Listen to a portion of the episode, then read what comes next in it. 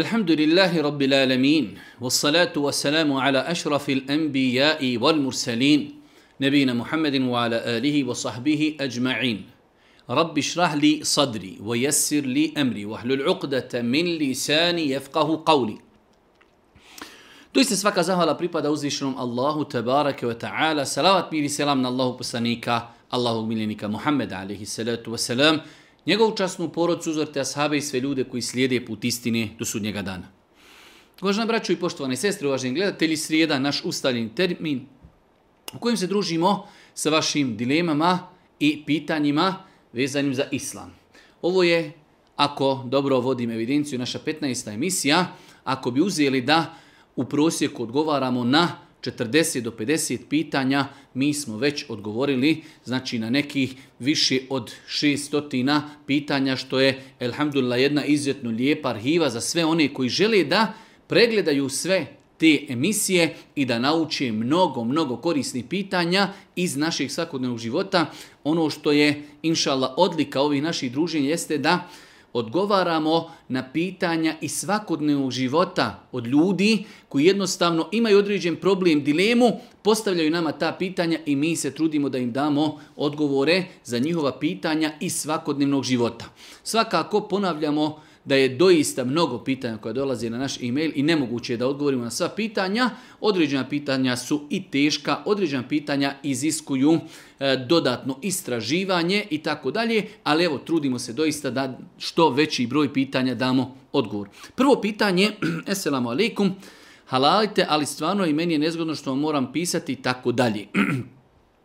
Vezano za nikab. Nosim nikab, muž je protiv nikaba, stalno se svađamo, želi da skinem nikab. Jedno malo duže pitanje jedne naše sestre, njen muž ima pritisak od svoje porodice, zašto njegova supruga nosi nikab? Takvi smo mi, takvi smo mi. Nama smeta ako nečija supruga nosi nikab. Nama ne smeta ako ide na more, ako e, se slika u kostimu, ako nosi mini suknju, ako se drogira, ako konzumira alkohol, to nama ne smeta. Ali ako se ta supruga naša mlada snaha pokrije, nosi nikab, to je problem do te mjere da roditelji se odriču svoje djeci. Pa ovaj, ovaj brat naš vrši pritisak na svoju suprugu da skine nikab, eh, a on i u većini slučajeva nije kući, bude u inozemstvu. Eh, ja sam tražeći dodatne informacije od ove sestre eh, dao broj telefona pa smo i određene stvari znači odgovorili putem telefona u svakom slučaju uh, E, pitanje nikaba po meni, e, znači konkretno je pitanje elastično, tako da sestra koja nosi hijab, koja nosi džilbab, nadamo se inšala ako ne nosi nikab da nije griješna, pogotovo u vremenu i prostoru u kojem mi trenutno se nalazimo. Ono što ja u ovakvim slučajima uvijek kažem, ako čovjek i žena žive zajedno, odvojeno od e, roditelja nje, njenog muža, onda ne bi trebali supružnici da dozvole da im se neko miješa u život. Tako da odluka da li će žena nositi nikab ili ne treba da bude na supružnicima nikako da dozvoli nekome da im se miješa u život. Znači jednostavno kao što se ljudi ne miješaju drugima u život, da li je žena bila e, na moru ili nije, nosi kratku suknju ili ne, ne treba dozvoliti nikome, ama baš nikome da nam se miješa u život kada je u pitanju e, odabir nikaba ili ne.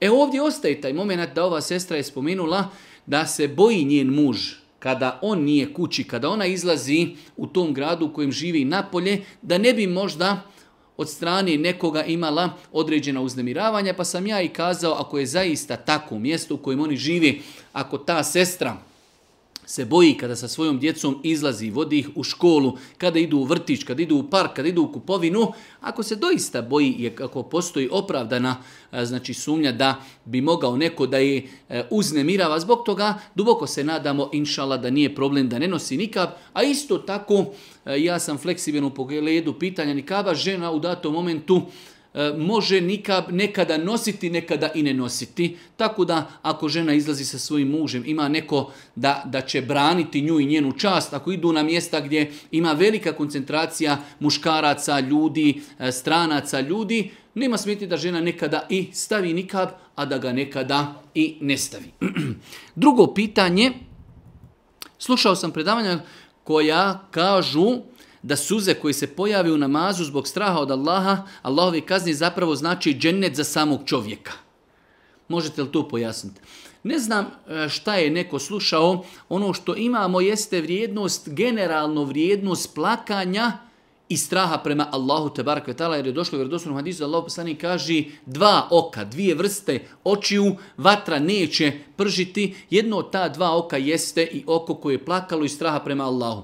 Tako da e, plakati u namazu i straha prema Allahu ima svoju ima svoju vrijednost, ali da je to neki džennet i da je to nije mi nešto poznato, osim ako se time misli kao neki vid metafori, znači da čovjek plakajući u namazu od straha i straha prema Allahu doživjeće znači neku širokogrudnost, opuštenost, uživaće da je to njegov znači džennet na dunjaluku, tako to bi se moglo shvatiti. Oženio sam se ženom koja je bila udata ima čirku iz prvog braka koja živi sa nama. Međutim, ja i moja žena imamo sada drugo dijete, alhamdulillah, možeš li mi pojasniti kakve su moje dužnosti prema djete, to je čerki iz prvog braka, koju sam prihvatio kao svoje djete, jer žena često kaže da ja tom djetetu ne posjećujem dovoljno pažnje i tako dalje. U svakom slučaju, e, veoma je bitno da supružnici razumiju jedno drugo kada su u pitanju ovakve situacije, to je da e, ljudi imaju djecu iz prvog braka. Pa ne treba supruga da vrši pritisak na svoga muža, zbog djeteta iz prvog braka i obrnuto. Zna se desiti da čovjek ima djecu iz prvog braka, pa od te žene traži da više pazi tu djecu nego što pazi njihovu djecu, što je neispravno. U osnovi, mi smo to rekli kroz naša predavanja, ženi u osnovi nije obaveza da dopusti, znači da ta djeca žive sa njima u braku i da, da ona izmeti toj djeci. Kao obaveza, da li je obaveza, nije obaveza. E svakako ostaju uh, te, hajde da kažemo, bračni e, smjernice da bi brak bio u harmoniji, e, u ovom konkretnom slučaju, znači muž bi trebao da se e, lijepo obhodi prema tom djetetu, pošto je to dijete od njegove supruge iz prvog braka, ali isto ta žena treba da razumije da to nije njegovo dijete i da on nema nikakvu šerijetsku obavezu prema tomi. Kao obaveza nema. Sve što uradim je moje dobro, moje dobro djelo i... E, dobrovoljni postupak. Tako da e, treba u svemu tome znači da tražimo neku sredinu. E, supruzi, supruzi je dozvoljeno da znači traži od muža da živi u zasebnoj kući bez njegove djece iz prvog braka. Suprotno tome, ako žena dovede dijete iz prvog braka zajedno sa sobom u brak, novi njen muž nema obavezu da izdržaje to dijete. To je obaveza njene majke, odnosno e, njenog oca iz prvog braka. A taj muž njen trenutni, znači trebao bi iz moralni i vjerskih razloga da bude lijep prema tom djetetu, da nije grub, da ga lijepo slovljava, da ga pazi i to je to. Ali ne tražiti nešto više od njega. Imam u bližnoj familiji osobu koja se bavi haram poslom i s vremena na vrijeme ta osoba da u parama ili kupi moje djeci ili ženi neki poklon. Neugodno je svaki put ne uzimati jer je bliska osoba. Je li nama to haram?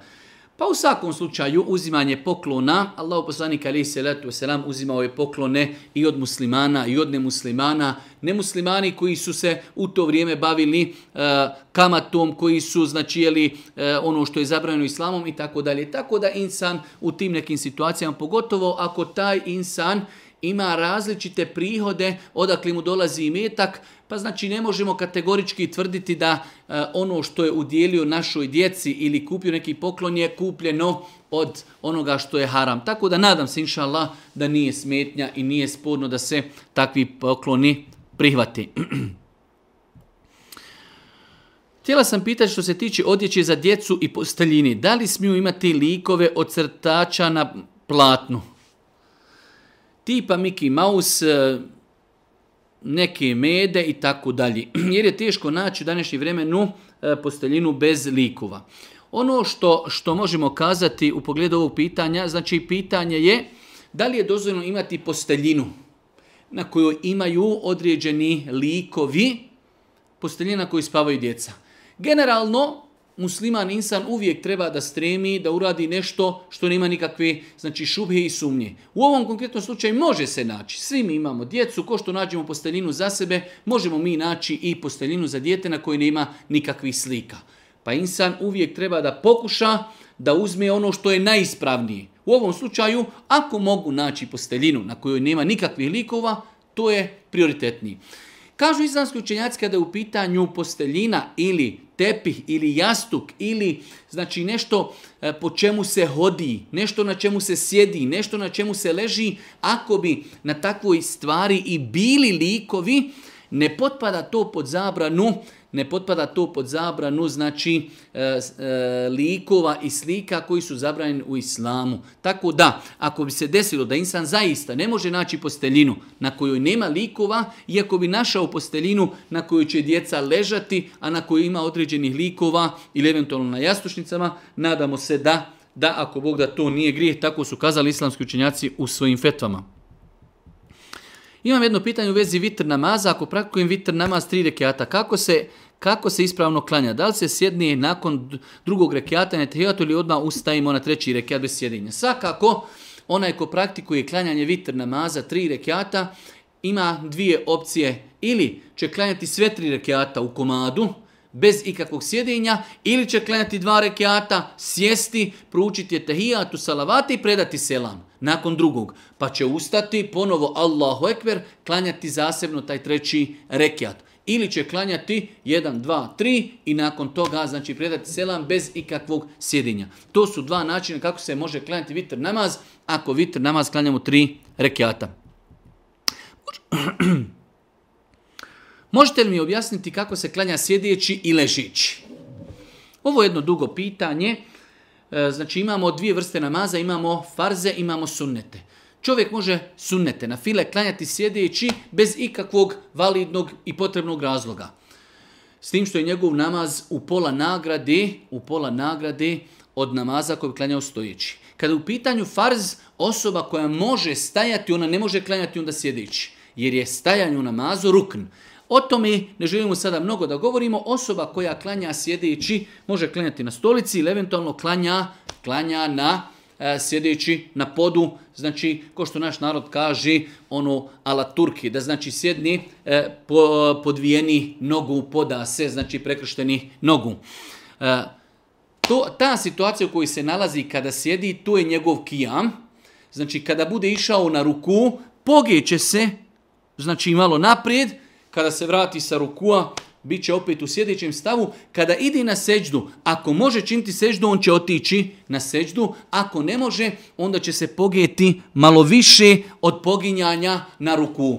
Tako će klanjati osoba koja klanja sjedići. Za osobu koja klanja e, ležići, takva osoba treba da, znači, onoliko koliko mogućnosti da sebe i krevet svoje noge okrine u pravcu kibli, ležaće, i glavom će micati, pa kada je znači kada leži, uči Kur'an, Fatihu i tako dalje, nakon toga na ruku će nagijeti glavu malo naprijed.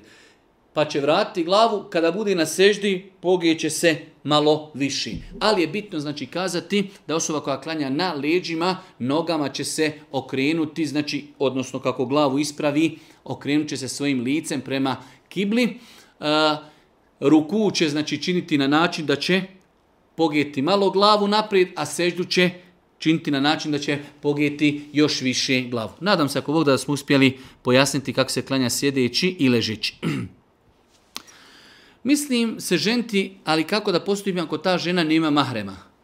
Mi znamo da je za ispravnost braka uvjet postojanje mahrema, to je staratelja. Allah poslani kaže, la nikaha illa bi walid. nema ispravna braka osim u saglasnost staratelja. Veoma je teško naći ženu koja nema staratelja, ali evo, može se desiti. U svakom slučaju islamski učenjaci kažu, otac je staratelj. Ako nema oca, ima djed s očeve strani. Njeni sinovi, ako se žena već bila udavala, su staratelji. Njena braća su također staratelji, Njene amiđe su također staratelji. Sin od amiđe je također staratelj. Ako bi se desilo da niko doista od spomenuti kategorija ne postoji, onda treba znači, e, da staratelj toj ženi bude u društvu kojem ima znači, islamska vlast, treba da bude kadija, da bude sudija. Ako osoba ne živi u društvu u kojem vladaju islamski zakoni, onda može ona odabrati osobu koja je povjedljiva, bogobojazna, čestita, moralna, koja će nju zastupati u braku i biti, ako Bog da staratelj, ali u braku mora da bude i neko staratelj. Ne može, znači ne može se brak sklopiti bez staratelja i druga stvar je da u islamu je uvijek staratelj muška osoba. Znači žena može, žena može imati majku, ali ne može majka nikada kada u pitanju staratelj koji se pita za brak, majka ne može biti staratelj za brak. Osoba koja prvi put stupa u šerijetsku vezu. da li možete dati par bitnih savjeta o čemu da se razgovara i koje teme otvoriti kao vid upoznavanja za buduće supružnike? Ovo je jedno normalno pitanje, možda nekim ljudima i čudno. Osoba koja ne ašikuje, koja se nije upoznavala sa ženama, želi da se ženi i e, čula je, vidjela da ima negdje djevojka, E, o čemu sa tom djevojkom da razgovara? Treba da razgovara o svim tim nekim bitnim pitanjima koja će mu doći kroz život. Da razgovara o vjeri, da razgovara o planovima, o budućnosti, gdje će živjeti, kako će živjeti, od čega će živjeti, ko će od njih dvoje raditi e, i tako dalje. Znači, bitne teme koje su im bitne u životu svakako kada je u pitanju vjera, pogledi na vjeru, mnogo puta se dešava da ljudi e, prijeđu brzo preko tih pitanja, onda kada dođe brak nastaju nesuglasice. Možda je muž stroži u pogledu određenih pitanja, a žena tolerantnija ili obrnuto i onda dolazi do nesuglasica muž smatra određenu stvar da je haram, žena kaže, ma daj, to je pretjerivanje u vjeri. I obrnuto, žena kaže, ovo je haram, muž kaže, to je pretjerivanje u vjeri. Pa je veoma bitno da se supružnici, u, budući supružnici upoznaju kroz pitanja vjeri. Kakvi su njihovi pogledi na vjeru? Ko su njihovi autoriteti? Kako razumiju vjeru? Gdje će živjeti? Od čega će živjeti? Ko će raditi? I tako dalje. Znači, neka krucijalna, najbitnija pitanja treba da dogovore i da se upoznaju i da ih izdefinišu.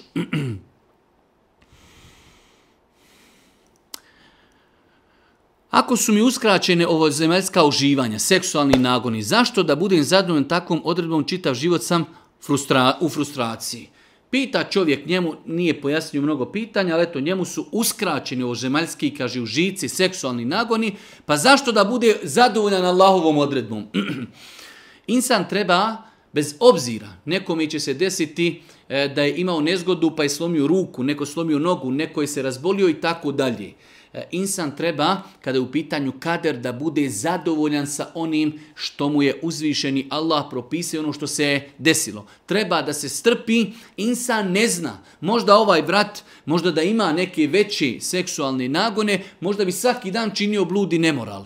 Pa ga je uzvišeni Allah možda sačuvao od toga tako što nema neke velike seksualne porive i nagone. Tako da insan bez obzira, znači, e, u čemu da bude i čemu, znači šta mu se desilo u životu kroz njegov kader, iz njegovu sudbinu, treba da se strpi jer je uzvišeni Allah el Hakim, mudri i sve se dešava sa mudrošću.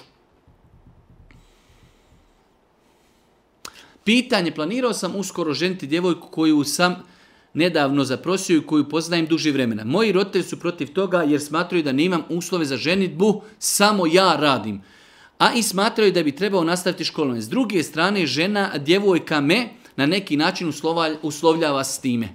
Također, ona je prilično nezadovoljna njima iz razloga što su protiv ženitbe. Pitanje kako postupiti u slučaju kada osoba ima potrebu da se ženi, upoznala je djevojku, a roditelji nisu nešto plaho za takvu djevojku. Ono što insan može uraditi jeste da lagano pokuša tim svojim roditeljima pojasniti da jednostavno ima potrebu da se ženi jedno od dvoje ako radi, ako radi, već muž ima posao, to je inšala više nego dovoljno. Živimo u teškim vremenima kada je veoma teško sačuvati moralnost i čednost. Roditelji bi trebali da postiču svoju djecu da što ranije stupaju u brak, tako da u ovom slučaju ono što čovjek može ako je doista shvatio i vidio da je ta djevojka za njega, ta djevojka shvatila da je on za nju, znači da pokuša svojim roditeljima pojasniti da ima potrebu za brakom i da ta djevojka se sviđa njemu. On će živjeti sa njim. On će živjeti sa tom ženom, a on ostaje i dalje u lijepim odnosima sa svojim roditeljima. Ako tu uspiju satiti, dobro jest, ako ne, inšala se oženi i bez njihove saglasnosti. Da li je ispravan namaz trudnici koja klanja sjedeći? Imamo žene koji su trudnice, klanjaju sjedeći. Uh, E, ako su u pitanju na file svakako da je ispravno, dobrovoljni namazi, kada je u pitanju farz ispravan je farz ako žena ne može drugačije klanjati. Ako žena trudnica može normalno da klanja, može normalno da se znači pregiba, da ide na ruku, da normalno ide na seđdu, onda nema pravo da žena klanja sjedići. Dok ako žena ne može klanjati osim sjedeći, ona tada potpada pod kategoriju bolesnika i klanjaće, klanjaće sjedeći. Onako kako smo malo prije pojasnili. Tako da kada znači u pitanju namaz trudnici, ako su u pitanju na file, može se na file da klanja ili na stolci, ili sjedeći, na seći, ili na zemlji. Kada je u pitanju farz, ako može klanjati stojeći, činiti ruku i činiti seđdu, tada joj obavez da klanja, da klanja znači ispravno, a ako ne može, doista ako ne može, onda će klanjati sjedeći, pošto potpada pod kategoriju bolesnika. Ukoliko ko bi se čovjek pred sam kraj života, neprestano pred smrt, vratio obavljanju namaza i općenitu islamskim propisima, nakon što je većinski dio života bio veliki griješnik, da li mu to na sudnjem danu može koristiti? Svakako. Bitno je da se čovjek pokaje prije nego što mu dođu smrtne muke, prije nego što mu duša dođe do grkljana, dva su vremena kada se više teuba kod Allaha i pokajanje ne prima. Kada duša počne izlaziti. Gotovo čovjek svati da umire i kada sunce iziđe sa zapada. Pošto mi muslimani vjerujemo da je jedan od predznaka, veliki predznaka sudnjeg dana, izlazak sunca sa zapada. Onog momenta kada sunce iziđe sa zapada, svi će ljudi da povjeruju. Sada bi mi vjerovali. Gotovo. Više teuba ne koristi. Tako da insan ako se heftu dana, deset dana, mjesec dana, eh, pola godine prije smrti vrati u islamu, vrati u namazu, da li će mu to koristiti? Svakako ako bude iskren da će mu to koristiti. Imam jedno pitanje, zamolio bih vas za odgovor. Zanima me je li određen, određeno godina za sunnet djeteta. Uh, Dugo jedno pitanje, neki brat vjerovatno je ili iz Makedonije ili iz Kosova, e, malo znači loše piše bosanski, ali je poenta da li je e, određeno kada se dijete mora sunnetiti i da li su to eksplicitno neparne godine. Ako ćemo sunneti onda u prvoj, u trećoj, petoj, sedmoj i tako dalje. E, dokazi Kur'ana i sunneta ne preciziraju kada se sunneti dijete. Tako da e, prva stvar, znači da li bude samo u neparnim godinama je netačna konstatacija. Druga stvar, ne postoji nikakvo ograničenje. Svakako i s medicinske strane gledano, a i sa islamske strane, bolje je što ranije dijete osuneteti. Znači već nakon 15 dana, nakon 20 dana, nakon rođenja, nakon mjesec, nakon dva, nakon tri, što ranije, hajde da kažemo što ranije, to je bolje, čak i medicinski je dokazano da dijete što je manje e, i mlađe e, manje osjeti bolove prilikom sunnećina, iako danas i kada se djeta, djeca sunnete, e, znači e, radi se to znači sa anestezijom, ali znači i medicinski dokazano da je to bolje činiti dok je dijete mlado, ali ne postoji određena znači e, period e, kada je pohvalno, kada se mora to uraditi, svakako da bi to trebalo uraditi, znači prije nego što dijete postane punoljetno. Jedno interesantno pitanje kojeg sam ja odabrao iz jednog razloga. Kaže jedna naša sestra, ja i muž četiri mjeseca nikako ne kontaktiramo, u svađi smo. Živimo na istom spratu, ali između nas nima ništa. Ja i dijete smo išle na rukju, kroz to se sve ispostalo da nam pravi njegova majka i sestra probleme i sihr. On odbija da se liječi, a iz njega šetan gleda. Naravno, negira da a, to on one pravi. Ja mislim predati za razvod jer me on psički ubija. Interesuje me da li mi je grije prije nego se razvedem imati s nekim drugim seksualni intimni odnos jer ima potrebu za to. Pogledajte situaciju. Četiri mjeseca čovjek i žena u svađi. Svađaju se žena tvrdi da njegova majka i sestra prave sihr njoj i njenom djetetu. Nemaju nikakav kontakt, žena želi da preda za razvod braka, ali pitanje može li ona u tom periodu dok se još ne razvede s nekom drugom osobom imati seksualni odnos, intimni kontakt, zato što ima potrebu za tim. Pa je znači mnogo bitno da bračni supružnici razgovaraju, da pristupaju problemima. Ako ne mogu više zajedno živjeti, da se na vrijeme razvedu, da ne čini nešto što je nemoral i nešto što je zabranjeno. Ovdje imamo grešku, tvrdnja da njegova majka i sestra pravi sihir je nešto što je veoma teško dokazati. Nažalost, velik broj problema u porodcama nastaje kada ljudi povjeruju džinima koji progovore iz osebe i kažu ko je napravio sihr. U većini slučajeva uvijek to tako bude. Ako mlada ima sihr, onda je to sve krva naštimala. Ako sve krva ima problema, onda je mlada naštimala sihr ili jetrva i tako dalje. Mnogo problema je za koji sam čuo, a koji su nastali kao plod vjerovanja džinima u njihovoj tvrdnji koje, koje je napravio sihr. To je jedna stvar, druga stvar, strogo zabranju žena sve dok se znači, ne razvede sa svojim mužem, strogo zabranjeno da ima bilo kakav kontakt sa muškarcom kada je u pitanju seksualni kontakt i nakon toga treba ako želi da na halal dopušten način zasiti svoje porive, da se uda i nakon toga da ponovo, da ponovo na halal način e, znači upražnjava e, seksualni odnos sa muškarcem. Tako da greška, veliki grije, veoma opasna stvar. Bez obzira što imamo probleme, bez obzira što to nismo riješili, moramo to riješiti da znamo na čemu smo, ako treba da se razvedemo, nakon toga priček, idet, Nakon toga žena ko će da se udaje, ali u tom periodu imati seksualni kontakt s nekom osobom je strogo zabranjeno u islamu. Dobio sam sina i želim zaklati akiku. Moje pitanje glasi da li može jedna akika i da li je poslije akike propisano da hođa uči da se daje ručak. E, čovjek koji je dobio sina može za sina zaklati jednu ovcu i to je ako Bog da dovoljno, ako zakolje dvije i ako imućan, to je bolji. Ali ako zakolje jednu, on je ispunio sunnet akike.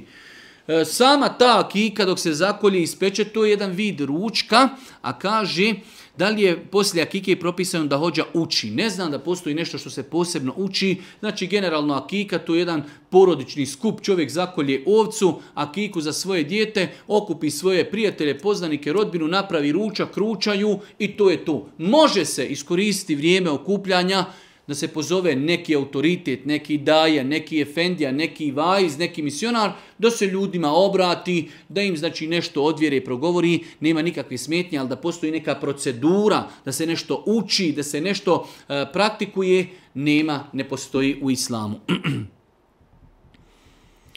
da li je dozvano staviti na niša ne datum i ime? Mi smo više puta u više pitanja to pojašnjavali, znači Allah poslanika alaihi salatu wasalam, salam, Eh, kada je ashab Othman ibn Mav'un umro, otišao je sa jednim ashabom, donio je veliki kamen i stavio je taj kamen ondje gdje je glava Medjita i kazao je, postavio sam ovaj kamen da bi se znao gdje je kabur moga brata. Pa na osnovu toga, znači islamski učenjaci su dozvoljavali da se postavi nešto što će se znati gdje je određen Medjit zakopan.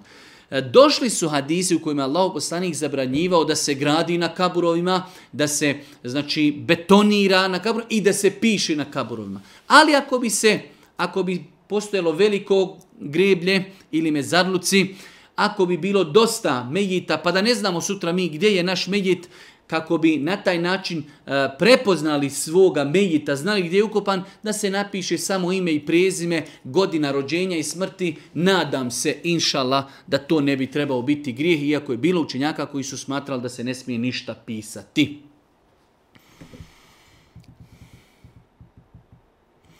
Da li je dozvoljeno e, u dobrovnim namazima e, doviti na maternjem jeziku? Rekli smo više puta da se može doviti na znači kada je u pitanju na fila dobrovoljni namaz, da se može u tim namazima dobiti na maternjem jeziku. Kada je u pitanju farz, ne bi to vjernik trebao da radi, iako je bilo učenjaka veliki kao što je Šehe ibn Baz, rahmetullah jelehi, koji smatrao da se može čak i u farzima dobiti na maternjem jeziku, ali Allah najbolje zna, farz ipak ima svoju neku posebnost, i trebalo bi izbjegavati dovu na farzima na maternjem jeziku, a u nafilama se to ako Bog da može činiti.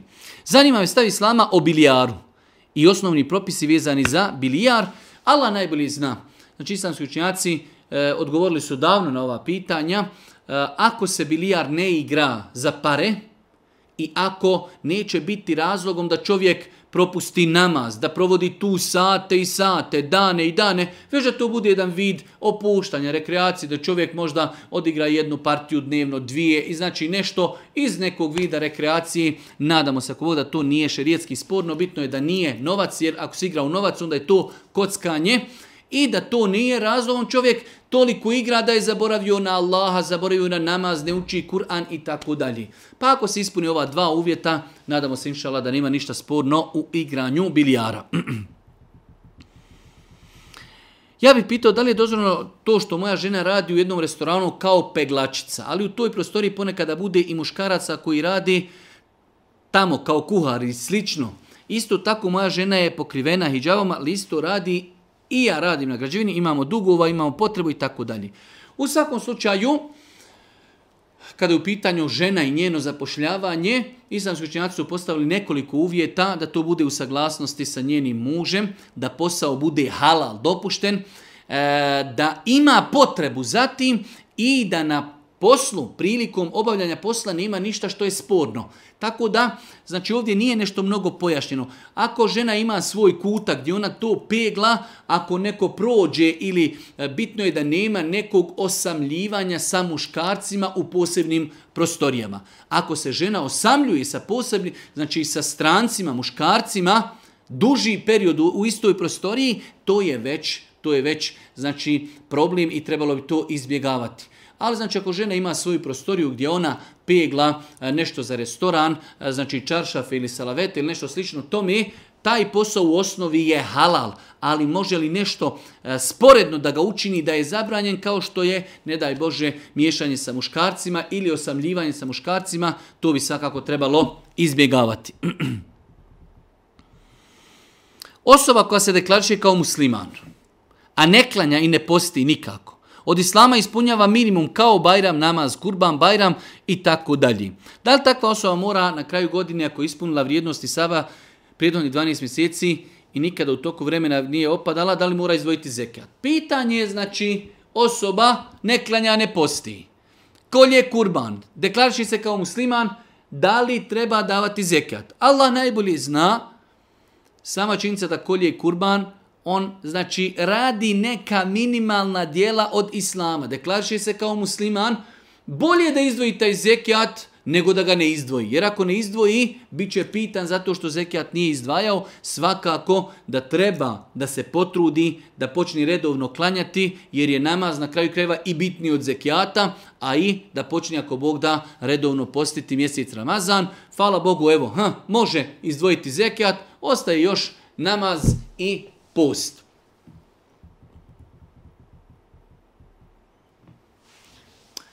Imam dilemu oko rađanja djeci. E, Interesuje me da li je obaveza i da li mora da se djetu kada se rodi i prouči ezan. Ja mislim da mora, tako u pitanju stoji.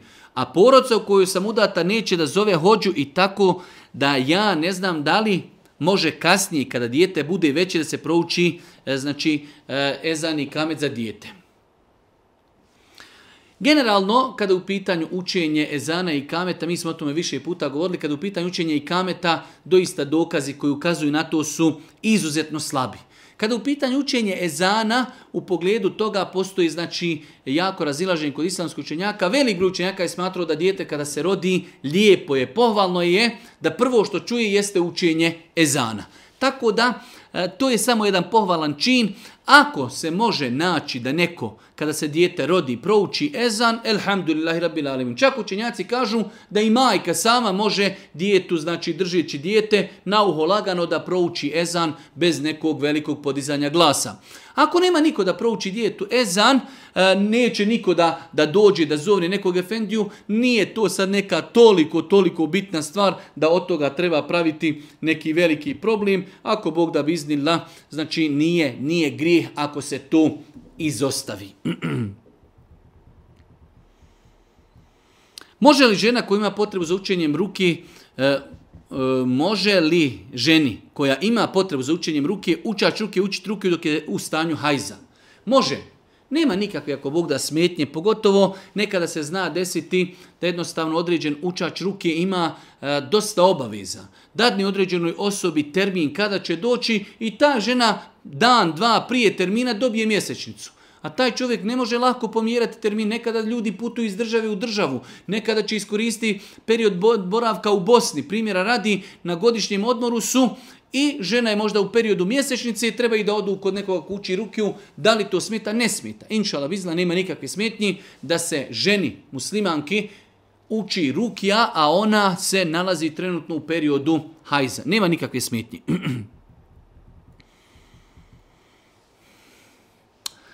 S obzirom da tek, da sam tek krenuo praktikovati islamske propise i običaje, zanima me stvar vezana za čitanje Kur'ana. Pošto ne znam arapski, čitam prijevod i jedno vrijeme sam čitao u sebi. To jest, nisam izgovarao na glas, niti sam pomjerao usne prilikom čitanja. Zanima me da li je to ispravno čitanje Kur'ana u sebi, tačnije u mislima. Uh, E, mislim da je ovaj naš brat, hajde kažemo, možda slušao nešto pa je e, pa su mu se pobrkala neka pitanja. Učiti Kur'an na arapskom potrebno je da ga čovjek izgovara ustima i da miče svoj jezik i usne. Da bi imao nagradu kirajeta. Dok kada se čita, on kaže, ne zna arapski, već samo čita prijevod, mi prijevod čitamo da bi razumjeli šta nama naš gospodar objavljuje. Pa tako da čovjek ha čitao pomeni meni, Ha čitao samo očima, bez micanja jezika ili čitao micanjem jezika, ne mislim da postoji neka, ne postoji pomeni neka razlika. Za razliku od učenja Kur'ana na arapskom, kada mi izgovaramo harfove i na taj način za svaki harf mi imamo nagradu, dok kada čitamo prijevod, mi ćemo biti nagrađeni jer smo iščitavali prijevod, iščitavamo tefsir, razmišljamo značenju Kur'ana tako da se sve to može postići i čitanjem bez micanja jezika usta. Opet Allah najbolje zna. Nakon klanjanja sabah namaza prakujem učenje jutarnjeg zikra. Učim la ilaha illallah wahdehu la shirike le lehu mulku velo hamdu wa la kulli shay'in qadir. Ali zbog ručine i ranog ustanja legnem u krevet samo u donjem vešu. Znači, otkriven mi je donji iznad koljena, donji dio tijela iznad koljena. Da li smijem u krevet učiti zikr u samo donjem vešu? E, kažu islamski učenjaci da nema smetnje da čovjek u tom nekom položaju e, ležeći u krevetu, pa čak i u situaciji kada nije pokrivenih avrita. Znači čovjek leži u svome krevetu u spavačoj sobi, u donjem vešu sjedi, želi da završi e, učenje jutarnjeg zikra ili večernjeg zikra, uz Allahov pomoć nije to ništa sporno. Svakako, ako čovjek može da se pokrije nekim pokrivačem, dekom, iz respekta prema vjeri, prema Allahu, prema zikru, bolje će postupiti. Ali ako bi i zikr činio e, znači, otkriveni određenog dijela tijela avreta, njegov zikr je ako Bog da ispravan i validan. Tako su kazali islamski učinjaci.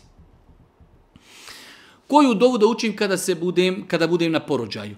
Ne postoji posebna dova koja se uči na porođaju, ali e, to je vrijeme e, kada čovjek ne bi trebao da zaboravi na svoga gospodara, to je e, period poteškoće, pa je dobro da čovjek se sjeti Allaha veličanjem, Allaha zikrullahom, donošenjem salavata, dovom, pa čak na kraju krajeva i učenjem Kur'ana, jer sam Kur'an je lijek. A insan trenutno se nalazi u jednoj teškoj situaciji kada je u pitanju žena na porodu, pa znači da žena zikri subhanallah, alhamdulillah, Allahu ekber, la haule wa la kuvvete illa billah i tako dalje. Zikr veličanja Allaha, dova, salavati, pa čak i učenje Kur'ana ne postoji posebna dova. Može žena u tom momentu uputiti općenitu dovu da kaže gospodaru olakšaj mi da se porodim gospodaru, sačuvaj mi iskušenja gospodaru i tako dalje, općenite, općenite dove, ali da postoji neka posebna dova od Božijeg poslanika vezana za period poroda ne postoji. Kaže jedna naša sestra, ja sam mužu drugi brak. Prvi brak je imao i razvoje se sudski, a šerijetski ne. Ta žena se isto udala posle toga. Da li je po islamu on razveden od te žene i da li je moj brak validan? Ovo pitanje bi trebao da pita muž, a ne žena. Znači imamo čovjeka koji imao prvi brak. Razveo se sudski, nije šerijatski, tako piši. Nakon toga odveo, doveo sebi, oženio se drugu ženu, a ta njegova prva žena se udala. E sad, pita ta njegova druga žena je li njen brak sa njim ispravan. Jeste, njen brak je apsolutno tamam da i tu prvu i ostavio, poligamija u islamu dozvoljena, tako da čovjek može u isto vrijeme imati dvije supruge. Tako da, Eh, ovo pitanje trebao da pita muž što se tiče braka druge žene, on je validan. Ostaje problem ako se samo razvjenčao sudski, a nije šerijetski, ta žena nema pravo da se uda dok je muž ne razvede šerijetski, ta njegova žena prva. O drugoj ženi mi ne pričamo, njen brak je ako Bog da, ona postavila pitanje za sebe, odgovor za nju je da je njen brak ispravan i nema nikakve smetnje. Da li je žena griješna ako ne želi da rodi treće dijete jer osjeća da ne može više psički da izdrži sve, a muž je ne razumije, on želi treće dijete. Rekli smo u jednom od naših odgovora da pitanje broj djece da bi trebao da bude e, pitanje oko kojih se supružnici dogovaraju. Da nađu zajednički stav, e, svakako da nekada se može desiti imate neka slučaje žene želi djecu, muškarci ne želi. I nekada zna se desiti da muškarci želi djete, žena ne želi. Pa bi trebali da nađu neki kompromis. Šta je razlog zašto neko ne želi djete? E, da li je taj razlog validan? Da li je opravdan? Da znači supružnici nađu neki zajednički stav u pogledu e, znači budućnosti njihove, njihove djece, broja djeci i da jedni drugi razumiju ako neko iznosi određene E, validne razloge u pogledu zašto više ne želi da ima djeci. Svakako nekada se zna desiti da zaista osobe iznesu neke, e, da kažemo, smiješne, malehne, ne, nebitne razloge zbog čega ne želi da imaju više djeci. Pogotovo kada u pitanju nekada jednostavno osoba ima jedno, dvoje djeci, eto ne želi više da imaju djeci. Možda osobe, žene koje imaju već šestero, sedmero, petero djeci, pa da iznesu određene malo manje bitne dokaze, možda se to može, ajde da kažemo, razmatrati pod razno, ali osoba, znači, ako zaista e, ne želi da ima više djece, onda bi trebalo da ima za to validan razlog. Poslanik nije uzimao vitr, tako piše u, u pitanju. E, zašto Allah poslanik nije uzimao vitre? Nije tačno. Allah poslanik nije uzimao sadaku. Znači, imamo dva različita termina i pojma. Razlika je da je Boži poslanik nije uzimao sadaku, a razlika je da je primao poklon. Pa je Allah poslanik kada mu neko donio poklon, on bi prihvatao poklon, imate toliko hadisa u kojima stoji da je neko donio Božijem poslaniku poklon, on je primio poklon i uzračao je ljudima na poklon. Ali sadaka je da ti neko nešto da, o, znači, i sažaljenja, ti imaš potrebu, a to što ti je izdvojio, kao što je došlo u hadisima, da je sadaka eusah, da je to prljavština i metka, pa zato Boži poslanik nije primao sadaku, da mu se ljudi smiluju i da mu ljudi daju zato što je potreban i što je siromašan. Jer je sadaka vid poniženja. Allah poslanik nije uzimao sadaku, ali je uzimao poklone koje su mu ljudi davali.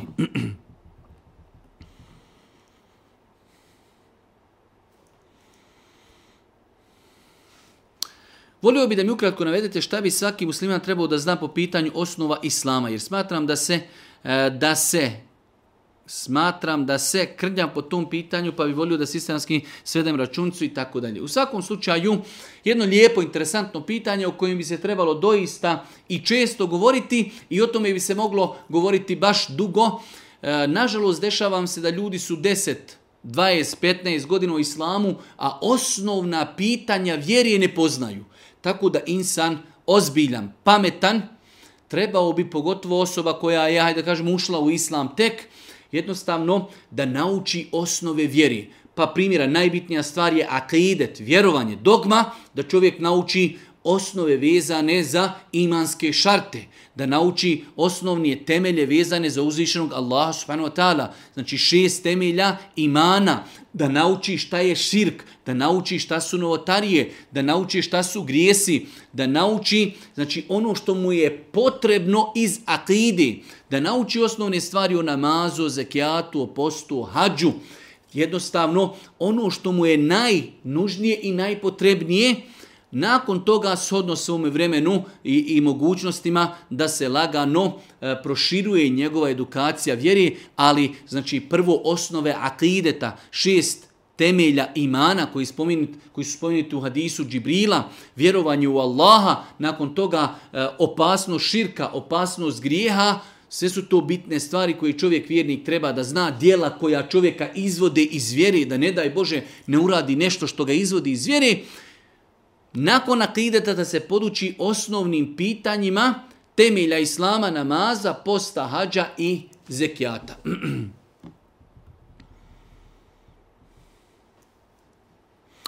Pošto nam se vjerovatno bliži zatvaranje, opet u državi gdje živim, zanima je propis džume u takvim trenucima. Ja radim u jednom mjestu i tamo se nalazi mesčid u Sloveniji. I taj mesčid bude zatvoren svaki put kada država nalaži tamo idem na džumu kad radim, jer je veoma blizu. Ima jedan drugi mešćid koji nije pod e, okriljem islamske zajednice, ali nalazi se 30 km od moga posla.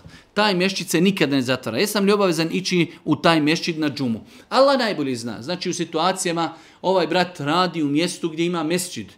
I znači u normalnim uvjetima kada nema korone, kada nema određenih mjera, on ide tu na džumu on se već boji ako dođe do zatvaranja, ponovnog zatvaranja mešćida, najbliži mešćid koji se ne zatvara nikako je mešćid 30 km. Da li je njemu obaveza da ide u taj mešćid, da tamo klanja džumu, Allah najbolje zna, tu je već predaleko 30 km, ne mislim da je obaveza. Ako bi čovjek otišao, znači dobrovoljno, ima mogućnost da ode, inšala biće nagrađen. Ali da kažemo, obaveza mu je da ide, znači Allah najbolje zna, nije obaveza da ide i da tamo klanja džumu. Imam 15 godina, praktikujem vjeru i sve loše navike sam ostavio za Allahu pomoć samo i još imam problem sa gledanjem pornografije. Ako može savjet, Allah vas nagradio. Znači imamo jednog mladinca, 15 godina, ostavio je, kaže, dosta loših navika, ostao je problem pornografije. Kako se riješiti problem pornografije? Mnogo je savjeta, ali evo mi ćemo spomenuti nekoliko stvari. Dova, iskrena dova Allahu Đelšanu da insanu olakša da ostavi taj grijeh i da mu grijehe omrazi. Znači, tražiti i moliti Allaha da insanu olakša da ostavi grijeh i da mu grijehe omrazi. Isto tako, bilo koja loša navika iziskuje od nas trud, iziskuje od nas želju. E, znači, moramo e, bilo koja navika, E, loše riječi, e, duhan ili, ili, ili bilo koja navika da bi se ostavila treba želje, treba truda. Tako da insan ako je navikao vremenom, dugo vremen da gleda pornografiju, treba da zna neće biti lako to ostaviti. Treba da bude spreman, treba da bude ambiciozan, treba da, znači da se stidi uzvišenog Allaha. Pored toliki blagodati nijamete koje mu je Allah dao, on gleda ono što je zabranio uzvišeni Allah. Treba insan da pazi na društvo. U većini slučajeva takve stvari se nauče od lošeg društva. Pa da insan nađe lijepo društvo s kojima će ako Bog da prevazići tu lošu naviku. Isto tako da čovjek bude aktivan. Dok mu dođe šetan da nešto tjedne da gleda loše, da se aktivira, aktivizam, da ide trčati, da ide e, raditi neke hajrate, pozivati ljude u islam, dobročinstvo, roteljima i tako dalje, ali da nema slobodnog vremena. Problem takvih stvari, mahana i poruka jeste slobodno vrijeme. Ali insan koji je zauzet, bavi se sportom, trči, trenira, e, čita knjige, nema on vremena za pornografiju. Isto tako, 15 godina, već lagano, već lagano, znači vidimo 15 godina, mi bi rekli to je malo dijete, a on već, znači ima veliki problem sa pornografijom, što ukazuje uh, da takve osobe već lagano trebaju razmišljati ako Bog da i o braku, što više, što više se društi sa Kur'anom, pa i postiti kako bi čovjek oslabio svoje strasti. Tako da nadam se ako Bog da ovih nekih desetak savjeta od posta, druženje s Kur'anom, razmišljanje o braku, društveni aktivizam, trud, želja, dova, stid od uzvišnog Allaha, sve su to neke stvari koje će nam ako Bog da pomoći da ostavimo negativne i loše navike.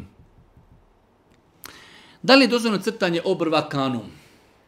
Kažu islamski učenjaci, generalno gledajući kada je u pitanju e, da žena ofarba kanom svoje e, obrve, e, generalno s aspekta islama nije sporno. U smislu, taj postupak je dozvoljen. Ono što je ženi zabranjeno u pogledu obrva jeste čupanje obrva.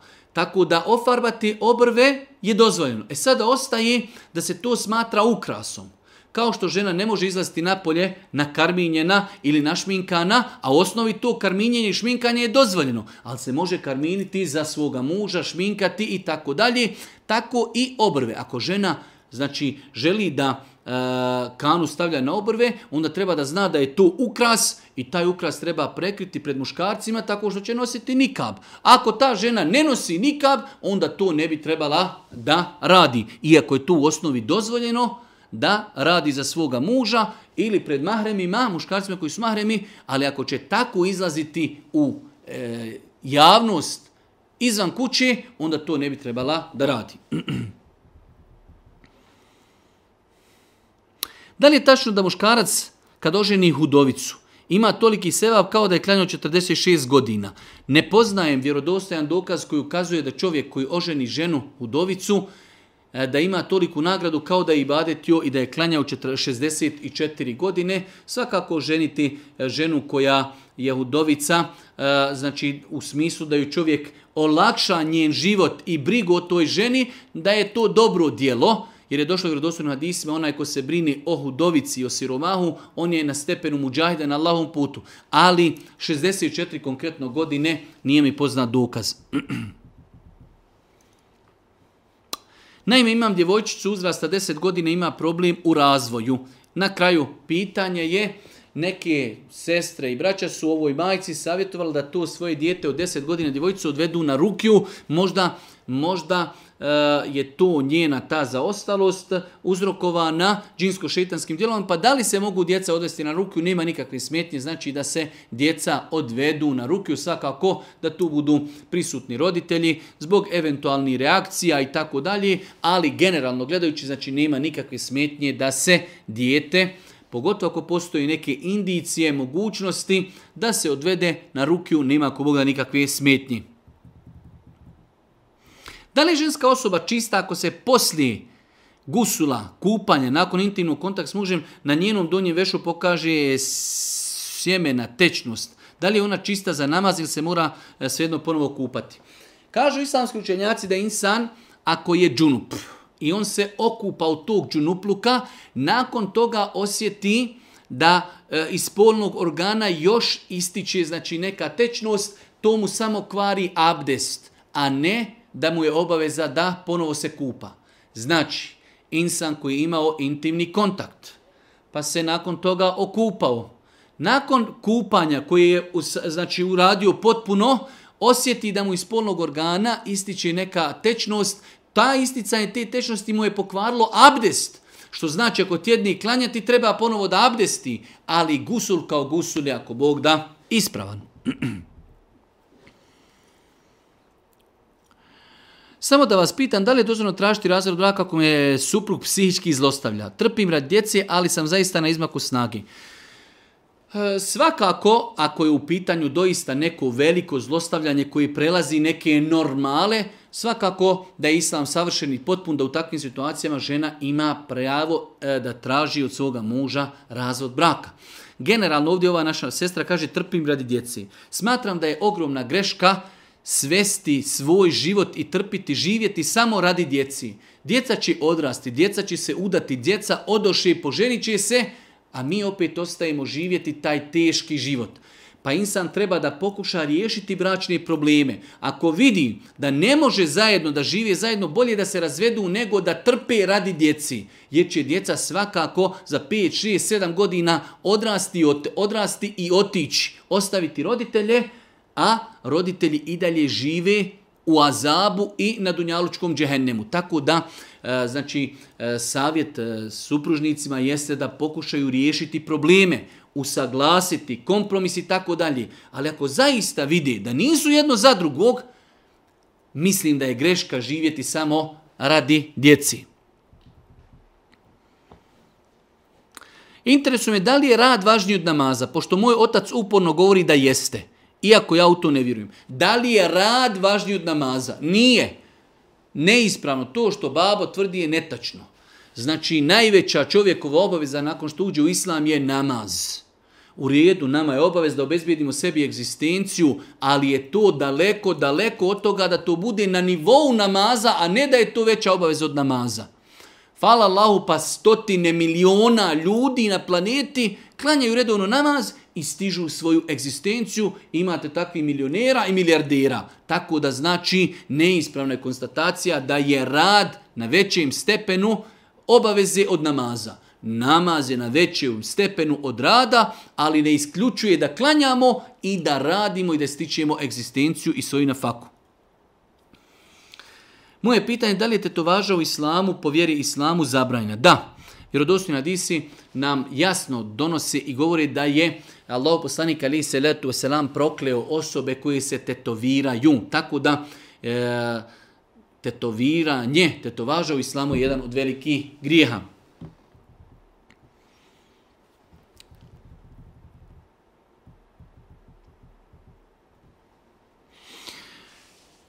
Kaže, često viđam po vijestima priče kako ljudi lete u svemir, obilaze planete i tako dalje. Pored toga nikada nije bilo jasan dokaz da su bili u svemu, nikada nisu objavili sliku ili donijeli neki dokaz i tako dalje. Braću, moje drage cijene sestre, e, insan se po mom nekom skromnom mišljenju ne treba opterećavati ovakvim stvarima. Jesu li ljudi bili u svemiru i nisu? Jesu li pali ili e, sletili na Mars ili nisu? Jesu li bili na mjesecu ili nisu? E, u redu, treba i muslimani da učestvuju u istraživanju svemira, da se natječu e, u tehnologiji i tako dalje. Ali nas ne treba to toliko da, e, da nas toliko okupira. Imate ljudi, e, njihov cijeli život ustaje i spava samo je li zemlja okrugla ili nije okrugla, je li zemlja ravna ili nije, imaju li vanzemaljci ili nemaju, jesu li ljudi bili na mjesecu ili, ili nisu. Šta ako jest, šta ako nije. Ništa to ne mijenja u našem životu tako da se ne treba tim pitanjima opterećavati ako su bili dobro došli, ako nisu bili dobro došli i mirna Bosna. Da li je dozvoljeno igrati karte pod uslovom da se ne koristi kocka ili ulaži novac ili bilo šta drugo? Kažu islamski učenjaci kada u pitanju igranje karti, da ako se radi u igranje karti za novac, onda je to, znači kocka i to je e, zabranjeno, znači zabranjeno, strogo zabranjeno.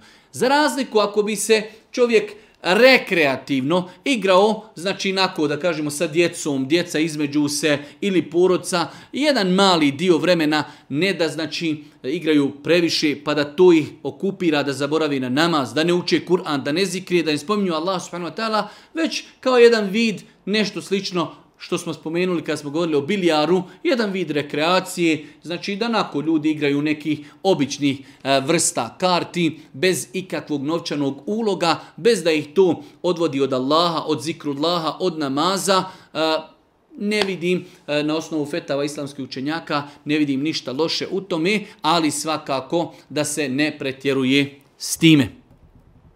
Zašto se na farz podne i kindi uči u sebi, a na ostala tri namaza uči na glas? Zato što je tako radio Allah poslanik, alihi salatu wasalam, imate određena pitanja za koja ne treba postavljati pitanje zašto. Allah poslanik je klanjao sabah na glas, klanjao akšam na glas i jaciju, podnik Indiju je učio u sebi. On je tako radio, tako radimo i mi i Allah subhanahu wa ta'ala najbolje zna zašto je tako propisao svojim eh, robovima.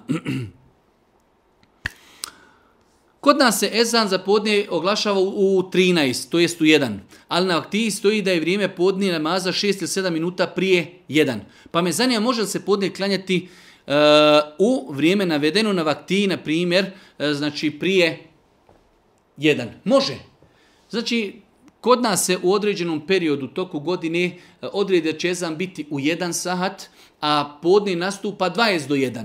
Da li osoba koja negdje žuri, Da li može da klanja 15 do 1? Svakako da može. Svakako da može, jer znači ako stoji u vaktiji da je tada podni, znači nastupa 20 do 12, 15 do 12 ili 15 do 1 ili 20 do 1, onog momenta kada prođe to vrijeme koji je naznačeno u vaktiji da je nastupilo podni, čovjek može klanjati bez obzira da li je Ezan učio ili ne, ako zatim ima svakako potrebu.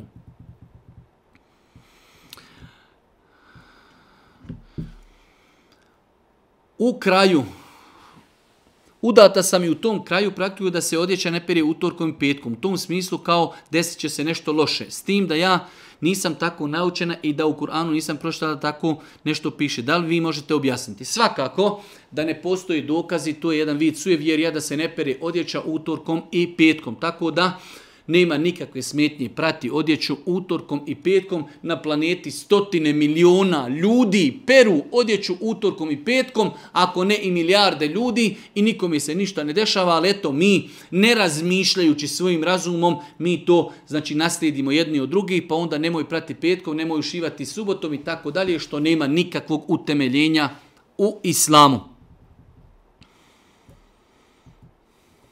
Je li ispravan namaz spušteni ruku? Jer na internetu vidim da sve šije tako uklanju spušteni ruku. E, vezivanje ruku u namazu nakon početnog tekbira je sunnet. Što znači, e, lijepo i pohvalno je klanjati e, svezanih ruku, ali osoba koja klanja spuštenih ruku je propustila jedan od sunnjeta namaza, njen namaz je ispravan. Sad ostaje taj moment što je to doista u zadnje vrijeme postala prepoznatljiva stvar za šije znači rafidije, šije, klanjaju spuštenih ruku, tako da insan u datom momentu, e, znači kada bi klanjao na takav način, e, kao da bi oponašao takve ljude.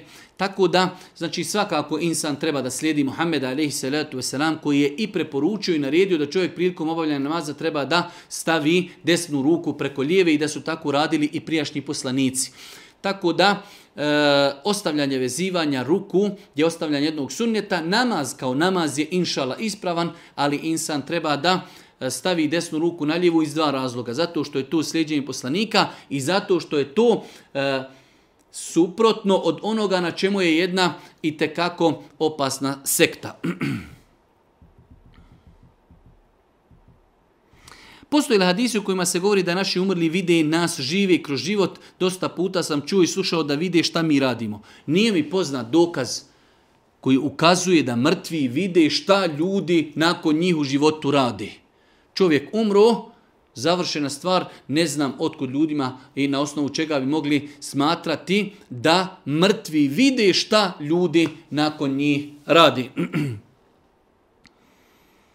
Imamo jednu sestru koja je e, postavila jedno malo duže pitanje, to je da ima potrebu nekada da abdesti pred nekom od čaršijskih džamija, e, gdje jednostavno nema priliku da abdesti u nekim abdestanama, pošto su zaključane, to smo opet mi, napravimo abdestane i nakon toga ih zaključamo, pa naše sestre koje dođu nakon toga moraju abdestiti negdje, znači na javnim mjestima a, zato što ne mogu ući u toalet ili u, u znači abdestanu pa da tamo lijepo abdesti pa pita da li može znači prilikom abdesta potrati preko mahrami može inshallah ispravno je da žena kada abdesti ako ima zatim potrebu kao što muškarci ako nose turban, neće odvezivati turban ili ga skidati kada dođu do potiranja preko glave, potraće preko turbana, tako i žena koja ima svezanu mahramu može dovoljno da potari samo preko mahrami i njeno ako Bog da potiranje je validno i ispravno, a nakon toga može znači ispod mahrami staviti prste i potrati svoje uši, ali znači preneseno od supruga Božih poslanika ali se ratu selam da su dozvoljavali i smatrale dozvoljenim ispravnim potiranje preko mahrame prilikom uzimanja avdesta ako zatim žena ima potrebu. Posljednje pitanje 50. Da li se može sihr ukloniti e, bez učenja ruke? Ako opsirena osoba klanja, moli se dragom Allahu ili pak mora se učiti ruke. Allah najbolje zna, nije učenje ruke jedini način da se čovjek e, izliječi od sihra i od džinsko-šetanskog djelovanja, tako da insan treba i da se liječi ruke u mali u svemu tome, da uči jutarnji večernji zikr, da klanja, da dovi, da, da znači se oslanja na uzvišnog Allah subhanahu ta'ala i može se insan inšala biznila izliječiti i bez učenja ruke, ali svakako e, ne znam zašto bi neko e, izbjegavao učenje ruke, znači nema smetje da insan u svemu tome objedini sve ono što je dozvoljeno i ispravno i učenje ruke i učenje zikra, učenje Kur'ana, dova, sve ono što bi moglo da insanu pomogni e, prilikom tih džinsko-šetanskih uzemiravanja. Allah subhanahu wa ta'ala molimo na kraju ovog druženja da nas poduči korisnom zdanju, molim ga subhanahu wa ta'ala da nas e, da nam oprosti grijehe, da nas uči na putu istine kraju subhanike Allahumma wa bihamdike ashhadu an la ilaha illa anta astaghfiruke wa atubu ilaik. Ah.